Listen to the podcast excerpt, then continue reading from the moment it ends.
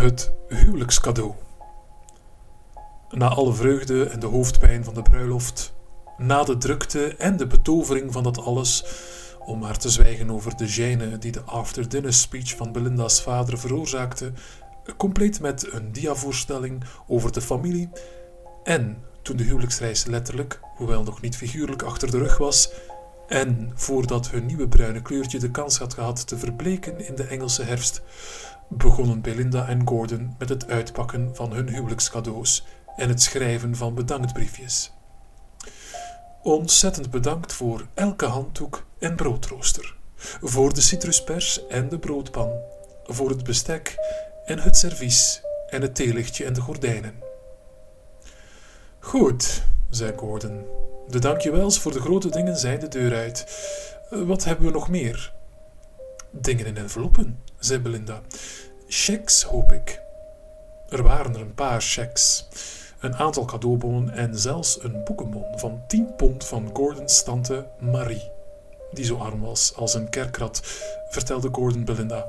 Maar wel een schat, en die hem zolang hij zich kon herinneren met elke verjaardag een boekenbon had gestuurd. En toen, helemaal onderaan op de stapel, was er een grote, zakelijk uitziende bruine envelop. Wat is dat? vroeg Belinda. Van wie is die? Geen idee, zei Gordon. Van iemand die nog steeds een typemachine heeft. Er staat geen afzender op. Is het een brief? Niet echt, nee, zei hij, en hij krabde aan zijn neus en las nog een keer. Nou, zei ze, met een geprikkelde stem, maar ze was niet echt geprikkeld. Ze was gelukkig. Als ze s morgens wakker werd, of wanneer Gordon haar s'nachts wakker maakte door tegen haar aan te schurken, of wanneer zij hem wakker maakte, ging ze steeds na of ze nog net zo gelukkig was als toen ze de vorige avond was gaan slapen. En dat was ze. Wel, wat is het?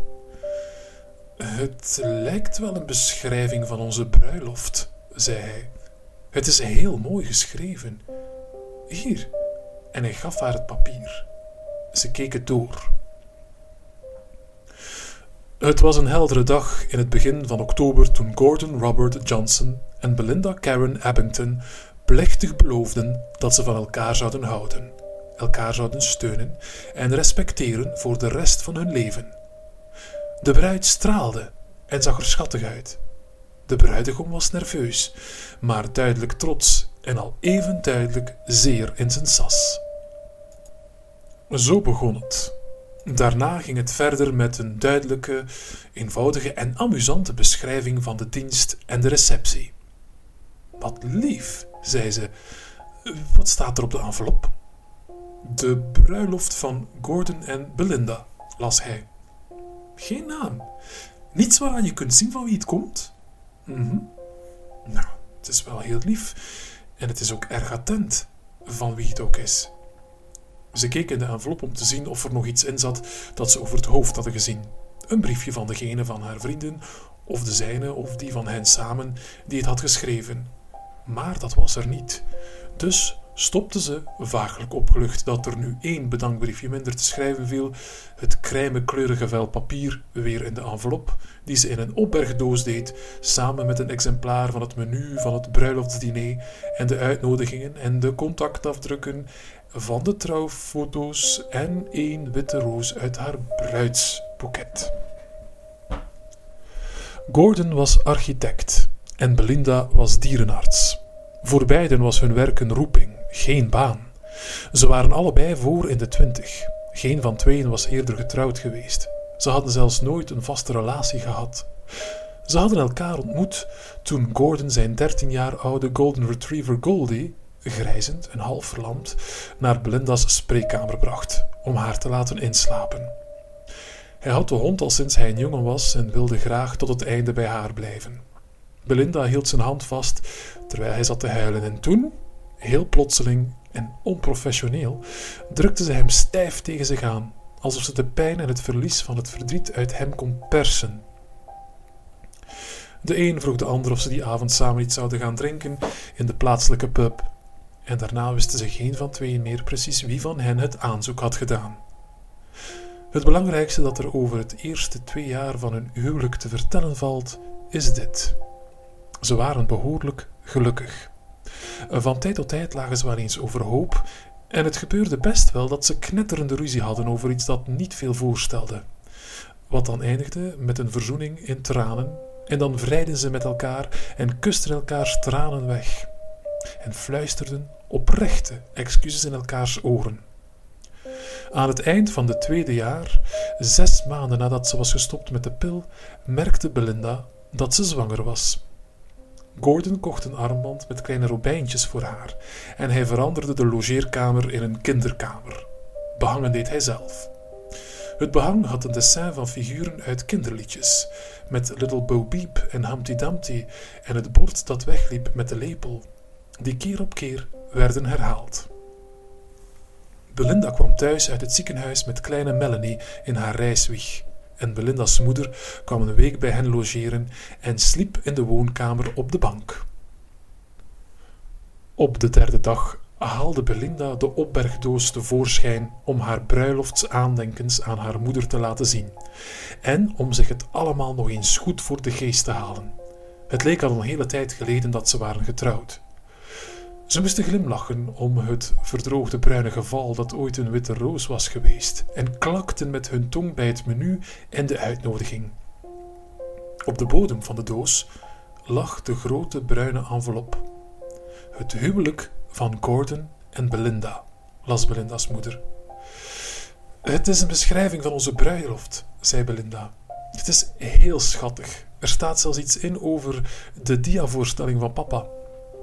Belinda maakte de envelop open en haalde er een krijmenkleurig vel papier uit. Ze las wat er op het papier was getypt en trok een gezicht. Toen legde ze het weg, zonder iets te zeggen. Mag ik even kijken, lieverd? vroeg haar moeder. Volgens mij haalt Gordon een grap uit, zei Belinda, maar nogal een smakeloze. Die avond zat Belinda in bed om Melanie de borst te geven toen ze tegen Gordon, die zijn vrouw en dochter met een dwaze glimlach op zijn gezicht aan zat te staren, zei: Schat, waarom heb je die dingen geschreven? Welke dingen? In de brief. Dat ding over onze bruiloft, je weet wel. Wat bedoel je? Het was eigenlijk helemaal niet grappig. Hij zuchtte. Maar waar heb je het over? Belinda wees naar de opbergdoos die ze naar boven had gehaald en op haar toilettafel had gezet. Gordon deed hem open en pakte de envelop eruit. Heeft dat altijd al op de envelop gestaan? vroeg hij. Ik dacht dat er iets over onze bruiloft op stond. Toen haalde hij het vel papier met de rafelige randen eruit, las het en fronste zijn voorhoofd. Ik heb dit niet geschreven. Nee, echt niet. Hij draaide het papier om en staarde naar de blanco achterkant alsof hij verwachtte dat daar nog meer geschreven stond. Heb jij dat niet geschreven? vroeg ze. Echt niet? Gordon schudde zijn hoofd. Belinda veegde een straaltje melk van de kin van de baby. Ik geloof je, zei ze. Ik dacht dat jij het geschreven had, maar dat is dus niet zo. Nee. Laat nog eens zien, zei ze. Hij gaf haar het papier aan. Wat is dit maf? Ik bedoel, het is niet grappig en het is niet eens waar. Op het papier was een korte beschrijving getypt van hoe de afgelopen twee jaar voor Gordon en Belinda waren geweest. Het waren geen goede jaren geweest. Volgens de getypte bladeren, zes maanden nadat ze waren getrouwd, was Belinda door een Pekinees in haar wang gebeten. Zo erg dat de wang gehecht moest worden. Dat had een lelijk litteken achtergelaten. Maar nog erger was dat er zenuwen beschadigd waren geraakt en dat ze was gaan drinken. Misschien om de pijn te verdoven. Ze vermoedde dat Gordon haar gezicht afschuwelijk vond, terwijl de nieuwe baby, stond er, een wanhopige poging was om het stijl bij elkaar te houden. Waarom zouden ze dat zeggen? vroeg ze. Ze? Wie dit afgrijzelijke verhaal dan ook geschreven heeft. Ze streek met een vinger over haar wang. Die was ongeschonden en littekenloos. Ze was een heel knappe jonge vrouw, hoewel ze er nu moe en breekbaar uitzag. Hoe weet je dat het om meer mensen gaat? Dat weet ik niet, zei ze, de baby overhevelend naar haar linkerborst. Het lijkt me gewoon iets voor meer mensen om zoiets te doen, om, dat allemaal te schrijven en het in de plaats te leggen van het oude verhaal en vervolgens te wachten tot een van ons het zou lezen. Kom op, kleine Melanie. Daar ga je, wat een lieve meid. Zal ik het weggooien? Ja, uh, nee. Ik weet het niet. Ik denk. Ze streelde de baby over haar voorhoofd. Bewaar het nog maar even, zei ze. Misschien hebben we het nog nodig als bewijsstuk. Ik vraag me af of Al hierachter zit. Al was Gordons jongste broer. Gordon deed het blad papier weer in de envelop en stopte de envelop weer in de opbergdoos die onder het bed geschoven werd en min of meer vergeten. Geen van tweeën kregen ze de daaropvolgende maanden veel slaap met al die nachtelijke voedingen en huilpartijen, want Melanie was een baby die veel last van krampjes had. De opbergdoos bleef onder het bed staan en toen kreeg Gordon een baan in Preston aangeboden. Een paar honderd kilometer naar het noorden. En omdat Belinda zwangerschapsverlof had en geen vastomlijnde plannen om weer aan het werk te gaan, stond het idee haar best aan. Dus ze gingen verhuizen. Ze vonden een rijtjeshuis in een met kinderkopjes geplaveide straat. Hoog en oud en diep. Belinda nam af en toe waar voor een beplaatselijke dierenarts en behandelde kleine dieren en huisdieren. Toen Melanie 18 maanden was, bracht Belinda een zoon ter wereld, die ze Kevin noemden, naar Gordons overleden opa. Gordon werd volwaardig partner van het architectenbureau. Toen Kevin zover was dat hij naar de kleuterschool kon, ging Belinda weer aan het werk. De opbergdoos ging nooit verloren. Hij stond in een van de ongebruikte kamers boven in het huis, onder een wankele stapel afleveringen van The Architect's Journal en Architectural Review. Belinda dacht af en toe aan de opbergdoos en aan wat erin zat. En op een avond, toen Gordon een nacht in Scotland was om te adviseren bij de renovatie van een oud familiehuis, deed ze meer dan er alleen maar aan denken. De kinderen sliepen. Belinda ging de trap op naar het gedeelte van het huis dat ze niet hadden ingericht. Ze legde de tijdschriften opzij en deed de doos open, waar, voor zover hij niet door de tijdschriften bedekt was geweest, een dikke laag stof van twee jaar op zat. Op de envelop stond nog steeds het huwelijk van Gordon en Belinda. En Belinda wist eerlijk niet of er ooit echt iets anders op had gestaan. Ze haalde het vel papier uit de envelop en las het. En toen legde ze het weer weg en bleef daar zitten. Helemaal boven in het huis, misselijk en met het gevoel alsof ze door elkaar was geschud. Volgens de keurig getypte boodschap was Kevin, haar tweede kind, niet geboren. Haar zwangerschap van hem zou nu vijf maanden geleden op een miskraam zijn uitgelopen. Sinds die tijd had Brinda vaak last gehad van aanvallen van haar geestige, zware depressiviteit. Gordon was zelden thuis, stond er, omdat hij een belabberde affaire had met de oudste partner van zijn bureau, een opvallende, maar nerveuze vrouw die tien jaar ouder was dan hij. Belinda dronk meer en droeg hoge kragen en saaltjes om het spinnenweblitteken op haar wang te camoufleren. Zij en Gordon spraken weinig met elkaar. Alleen tijdens de kleine en bekrompen ruzies van mensen die bang zijn voor de grote discussies, wetend dat de enige dingen die ze nog te zeggen hadden te groot waren om gezegd te worden, zonder hun beide levens te verwoesten. Belinda zei niets over de laatste versie van Het huwelijk van Gordon en Belinda tegen Gordon.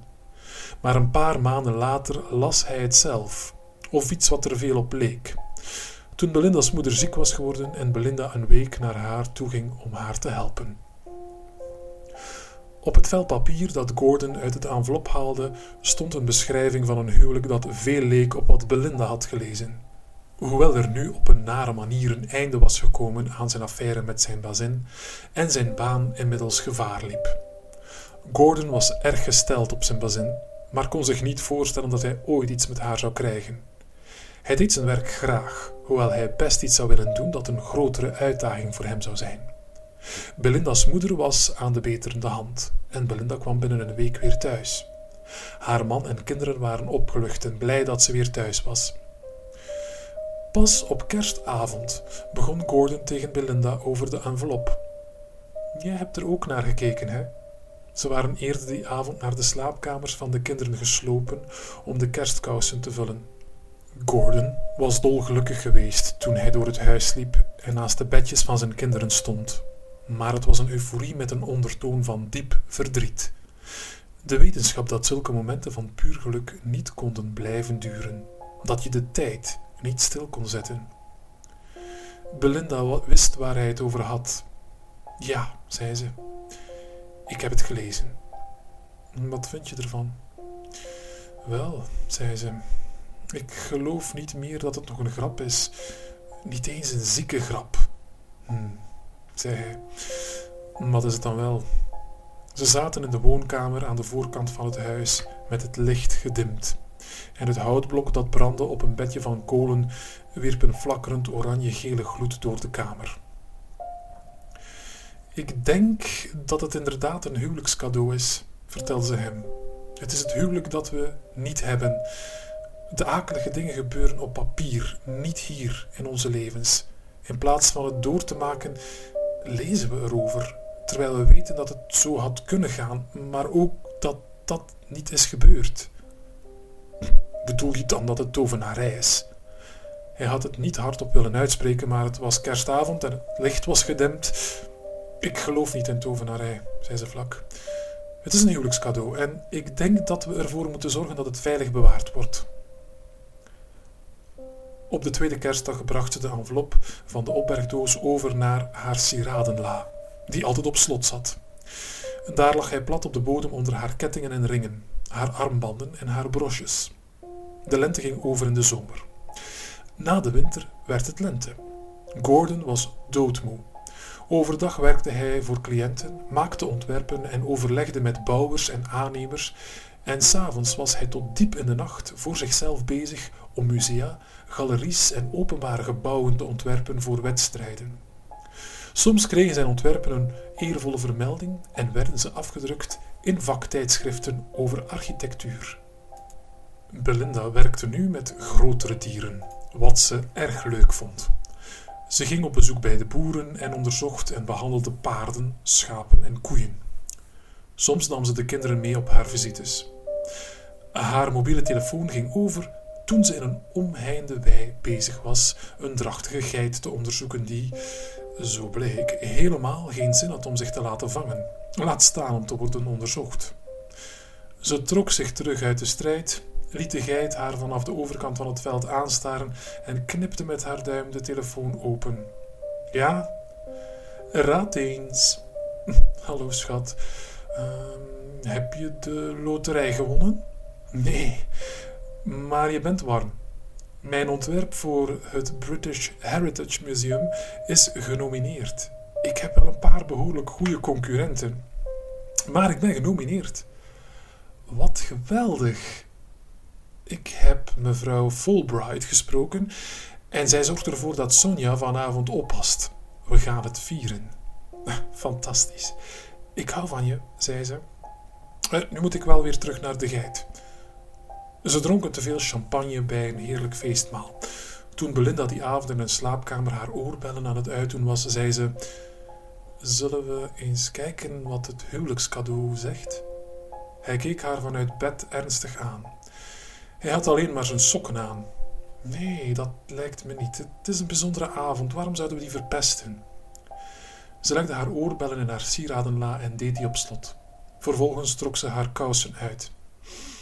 Ik geloof dat je gelijk hebt. Ik heb trouwens wel een idee wat er zal staan. Ik ben dronken en depressief en jij bent een zielige verliezer. En ondertussen zijn we, ja, nou ja, ben ik inderdaad een beetje aangeschoten. Maar dat is niet wat ik bedoel. Het ligt daar maar op de bodem van de la als het portret op zolder in The Picture of Dorian Gray.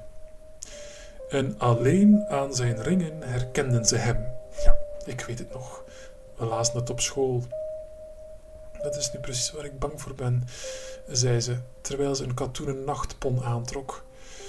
Dat wat er op dat papier staat, het echte portret is van ons huwelijk. En dat wat we nu hebben alleen maar een mooi plaatje is. Dat dat, dat echt is en dat, dat wij niet echt zijn. Ik bedoel, ze sprak nu nadrukkelijk met de ernst van de aangeschotenen. Vind jij nooit dat het te mooi is om waar te zijn? Hij knikte. Soms wel. Vanavond zeker. Ze huiverde. Misschien ben ik echt wel een dronkaard met een hondenbeet op mijn wang. En na jij alles wat beweegt, dan is Kevin nooit geboren en al die andere afgrijzelijke dingen. Hij stond op, liep naar haar toe en sloeg zijn armen om haar heen. Maar het is niet waar, bracht hij haar onder de aandacht. Dit is echt. Jij bent echt, ik ben echt. En dat huwelijksgeval is alleen maar een verhaaltje. Het zijn maar woorden. Hij kuste haar en hield haar stevig vast. En er werd verder nog maar weinig gezegd die nacht. Het duurde zes lange maanden voordat Gordons voorstel voor de British Heritage Museum was uitgeroepen tot het winnende ontwerp. Hoewel het in de Times belachelijk werd gemaakt omdat het te agressief modern zou zijn, in diverse vaktijdschriften te ouderwets werd bevonden en door een van de juryleden in een interview in de Sunday Telegraph werd omschreven als een beetje een compromis voor iedereen een tweede keus. Ze verhuisden naar Londen en verhuurden hun huis in Preston aan een kunstenaar en zijn gezin, want Belinda wilde niet dat Gordon het verkocht. Gordon werkte hard aan het museumproject en was gelukkig. Kevin was zes en Melanie acht. De kinderen hadden het in het begin moeilijk mee dat ze hun vriendjes en hun school kwijt waren. Belinda vond een parttime baan bij een kleine dierkliniek in Camden en werkte drie middagen per week. Ze miste wel haar koeien. De dagen in Londen werden maanden en toen jaren, en hoewel ze af en toe krap bij kas zaten, nam Gordons opwinding toe. De dag waarop de eerste heipalen voor het museum de grond in zouden gaan, kwam steeds dichterbij. Op een nacht werd Belinda in de kleine uurtjes wakker. En ze keek in het natriumgele licht van de straatlantaarn die voor hun slaapkamerraam stond, naar haar slapende echtgenoot. Zijn haargrens begon te wijken en het haar dat overbleef werd dunner. Belinda vroeg zich af hoe het zou zijn om getrouwd te zijn met een kale man. Ze besloot dat het veel zou lijken op hoe het altijd was geweest. Meestal gelukkig en meestal goed. Ze vroeg zich af wat er in de envelop met hen gebeurde. Ze kon de aanwezigheid ervan voelen, droog en broeierig in de hoek van hun slaapkamer, veilig weggesloten tegen alle kwaad. Ze kreeg opeens medelijden met de Belinda en Gordon die gevangen zaten op hun vel papier, in de envelop en elkaar haten en zo. Gordon begon te snurken. Ze kuste hem zachtjes op zijn wang en zei: hij bewoog zich even en was stil, maar hij werd niet wakker. Ze ging lekker tegen hem aanliggen en viel toen zelf ook weer snel in slaap. De volgende dag, na de lunch, terwijl hij in gesprek was met een importeur van Toscaans marmer, keek Gordon ineens heel verrast en bracht een hand naar zijn borst. Hij zei: Het spijt me verschrikkelijk. En toen begaven zijn knieën het en viel hij op de grond. Ze belden een ambulance, maar Gordon was al dood toen die aankwam. Hij was 36 jaar oud. Bij het gerechtelijk onderzoek verklaarde de lijkschouwer dat de autopsie uitwees dat Gordon een aangeboren hartafwijking had. Zijn hart had het elk moment kunnen begeven. De eerste drie dagen na zijn dood voelde Belinda helemaal niets, een diep en een verschrikkelijk niets. Ze troostte de kinderen. Ze praatte met haar vrienden en die van Gordon met haar familie en met Gordons familie, nam dankbaar en vriendelijk hun condolences in ontvangst, zoals je cadeautjes in ontvangst neemt waarvan je niet weet of je ze eigenlijk wel hebt gevraagd of gewild. Ze luisterde hoe mensen om Gordon huilden, want zij had dat nog steeds niet gedaan. Ze zei al de juiste dingen en ze voelde helemaal niets. Melanie, die elf was, leek zich er goed onder te houden. Kevin liet zijn boeken en computerspelletjes in de steek, ging in zijn slaapkamer uit het raam zitten staren en wilde niet praten. De dag na de begrafenis gingen haar ouders terug naar de provincie en ze namen de twee kinderen met zich mee. Belinda weigerde mee te gaan. Er viel, zei ze, een heleboel te doen. Op de vierde dag na de begrafenis was ze bezig het tweepersoonsbed waar ze samen in hadden geslapen op te maken toen ze begon te huilen. De snikken sneden door haar heen als gigantische krampen van verdriet. De tranen rolden van haar wangen op de beddensprei.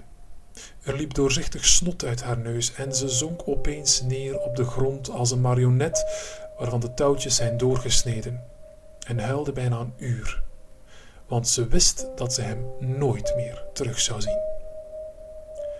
Ze veegde over haar gezicht. Toen maakte ze haar siradenla open en haalde de envelop eruit.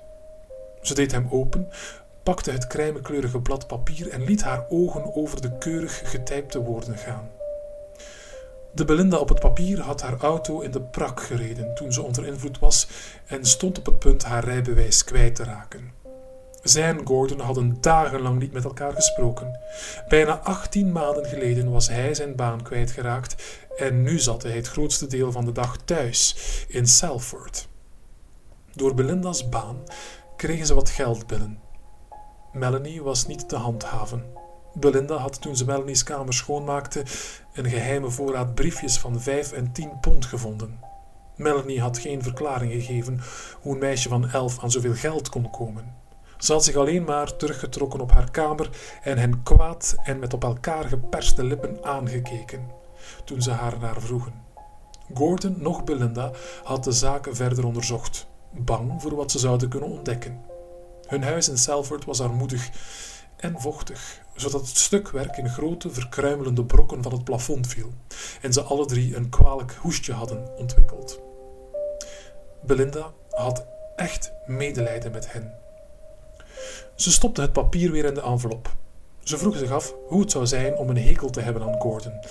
En als hij een hekel aan haar had. Ze vroeg zich af hoe het zou zijn als Kevin geen deel van haar leven uitmaakte als ze niet zijn tekeningen van vliegtuigen zou zien of hem vreselijk vals populaire liedjes zou horen zingen. Ze vroeg zich af waar Melanie, de andere Melanie, niet haar Melanie, maar de Melanie die God zijn genade niet de hare was, het geld vandaan zou kunnen hebben. En was blij dat haar eigen Melanie zich voor niet veel anders interesseerde dan voor ballet en boeken van Enid Blyton. Ze miste Gordon zo erg dat het voelde of er iets scherps in haar borst gedreven werd. Een pen misschien, of een ijspegel gemaakt van kou en eenzaamheid, en de wetenschap dat ze hem in deze wereld nooit meer zou zien. Toen nam ze de envelop mee naar de woonkamer beneden, waar het kolenvuur brandde in de haard, omdat Gordon zo dol was geweest op een open vuur. Hij zei dat vuur een kamer tot leven bracht. Ze hield niet van kolenvuren, maar ze had het vanavond aangestoken uit gewoonte. En omdat, als ze het niet aanstak, dat zou betekenen dat ze toegaf, definitief, dat hij nooit meer thuis zou komen. Belinda bleef een poosje in het vuur zitten staren, peinzend over wat ze had in haar leven en wat ze had opgegeven, en over de vraag of het erger zou zijn om van iemand te houden die er niet meer was, of niet te houden van iemand die er wel was. En toen, tenslotte, bijna terloops, gooide ze de envelop op de kolen en ze keek toe hoe hij omkrulde en zwart werd en vlam vatte. Ze keek naar de gele vlammen die tussen het blauw dansten. Al gauw was er van het huwelijkscadeau niets anders over dan zwarte vlokken as die dansten op de trek van boven en werden weggezogen als een brief van een kind aan Sinterklaas door de schoorsteen de nacht in. Belinda leunde achterover in haar stoel. Ze sloot haar ogen en wachtte tot het litteken op zou bloeien op haar wang.